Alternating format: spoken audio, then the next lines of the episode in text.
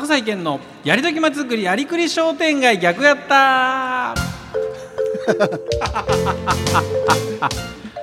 はいということでございまして、ええーやりどき商店街やりくりまちづくり。はい。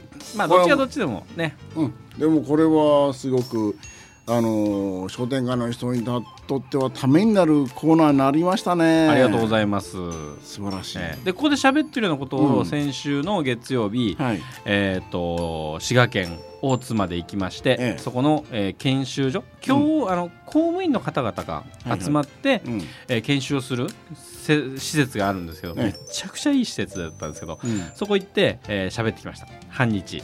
半日、はい。いやこれはやっぱもうきちんと押さえておきたいことですよね。ですね、うん。えーということでございまして今は、えー街を活性化する中心市街地を活性化するイベントはい。の、えー今現代5種の神器と言われております、はい。はい。えー一点一品、うん。町ゼミ、はい。100円商店街それからバルト、マチコン。この、うん。え5種類いろいろ順次ご紹介しておりますが今日は町ゼミとはい。いうこの手法についてご紹介をしようと思います、はい。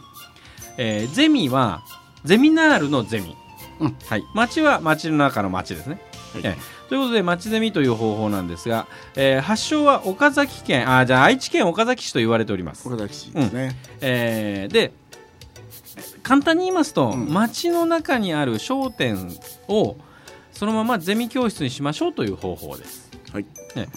へえということなんですけどでそれがなんでその街を活性化、ね、中心市街地を活性化するイベントになるのかということなんですが、えー一つのお店で例えばうちはあのー化粧品屋さんですと。うん。っていうことで、えー例えばあ夏メイクなら夏メイクの、えーこのお素敵なやり方これを、えーうちのお店のこう皆さんが座っていただけるエリアはあ5人分しかありませんので、うんだからじゃあ、えー5人の方、えー90分の講座をやりますよと。はい専門の、えービューティー指導員さんが、ねうんえー教えてくれます。うん。で、えーつきましては会費は、えー1000円ですみたいなはい。はい、えー化粧品を売りつけたりはしませんよってことですね。ねこれルールなんですけど、うんでそういうことでじゃあその講座を受けてみたいわという方が、えー電話をしてで、えー当日に行くとうん。それを100店舗ぐらいでやるわけです。うん。はいえーその商店街とか中心市街地にあるさまざまなお店が、はい。えー例えばうちはあのーなんだっけ乾物屋さんでうん。で、えー美味しい出汁の取り方、うんはい、えーこれをおご紹介できますで実際にこれはあのーなんだっけ、えーあるあのあるお店がやってらっしゃるんですけど大体募集の、えー開始から5分で埋まるそうです、あ、すごいですね。ええもう電話がその瞬間ガーッとひっきりなしになって、へえ。えー何月何日午前10時から、えー募集開始みたいなねうん。形になってるそうなんですけど、というような形でうん。でそれでいくと例えば一つの講座で5人しか、えー受け付けられませんと、ねうちのお店は狭いので、うん。でもそれ100店舗はやってください、そうだよね。はい500人だもんね。そうなんです通常だったら、えーなかなか、ね、お買い物とかに来ていただけない方々でも、うんその講座を受けるためにその日もしくはその週末、うんねにもしくは1週間の間に500人の方が動くわけですよ。そうですね。大きいですね。これはね。でお店の方も自分がやっている一番専門の話を、えーすることができる、うんねえー対面でお話をしながらという本当にお店としての一番重要なというか最も強い部分これを生かすことができるということで、えー例えばバルとか、えーそれから100円商店街とか町コンみたいに、いっぺんに大勢の方がうわーっと街に出てうおうろうろしている姿ではないけれども、ん。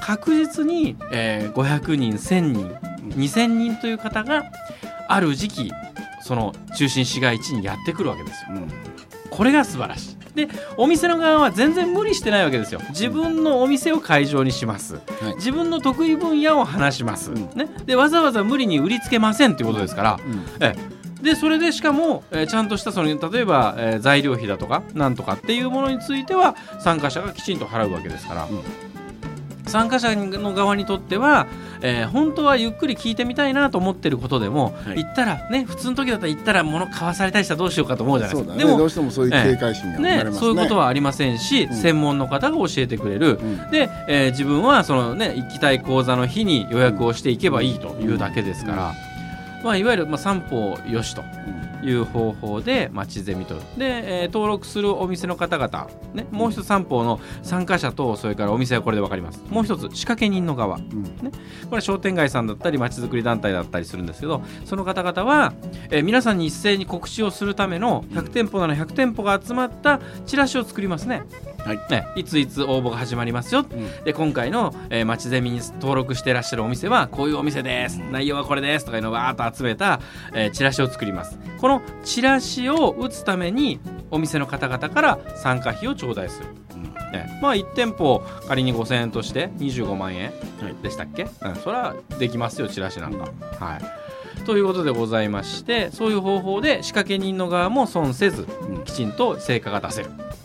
これはね、はい。あのお店にとってのメリットがめちゃくちゃ大きいと思うのがですね、あのーまあ売りつけ売りつけないってことなんですが、あのーなかなか専門的な話っていうのは聞けないお客様も多くて、で実際に聞くとですねまず先生になっちゃうんですね。うんうんで先生になりますとその商品類についての商品群あ商品カテゴリーについてのそのお店自体がもう先生学校マスターになっちゃうんですね。うん。そうするともうそこのお店と他のお店を比較して物を買うようになりますから、うん。うんもう口コミネタは万全ですね。そうですねはい。これすっごいしっくりでしょ、と思います。ね、だから商売人さんのもう本当の？もうんともとの商売人魂にも火をつけるし、うんでそれがいい効果になるうん。ということなんで、えー、町ゼミ。これはあやっぱりあの近畿圏を中心にですね、近畿それから東海あたりを中心にどんどん広がっております、あこれはこれはすごくあの私いいと思います。そうです。はい、はい。うん。ということでございまして気になる方はね、まあ、町ゼミという名前で引くと、大抵、あのー愛知県岡崎の、ねうん。あ話題が出てきますし、えー全国の町ゼミのおサミットなんかが行われたあ事例もお紹介されております。えそれから町元気という、え商店街活性化のためのサイトがありますのでこちらを見ていただくのもいいかもしれません。はい、ということでございまして商店街、えー皆さんがねじわりじわりとこれは当たっていくという方法ですけれどもぜひぜひやってみられてはいかがでしょうかということでございまして、え今日のやりとき商店街やりくりまちづくりはあ中心市街地そして商店街を活性化する5種の神器のうちの一つ町ゼミについてご紹介いたしました。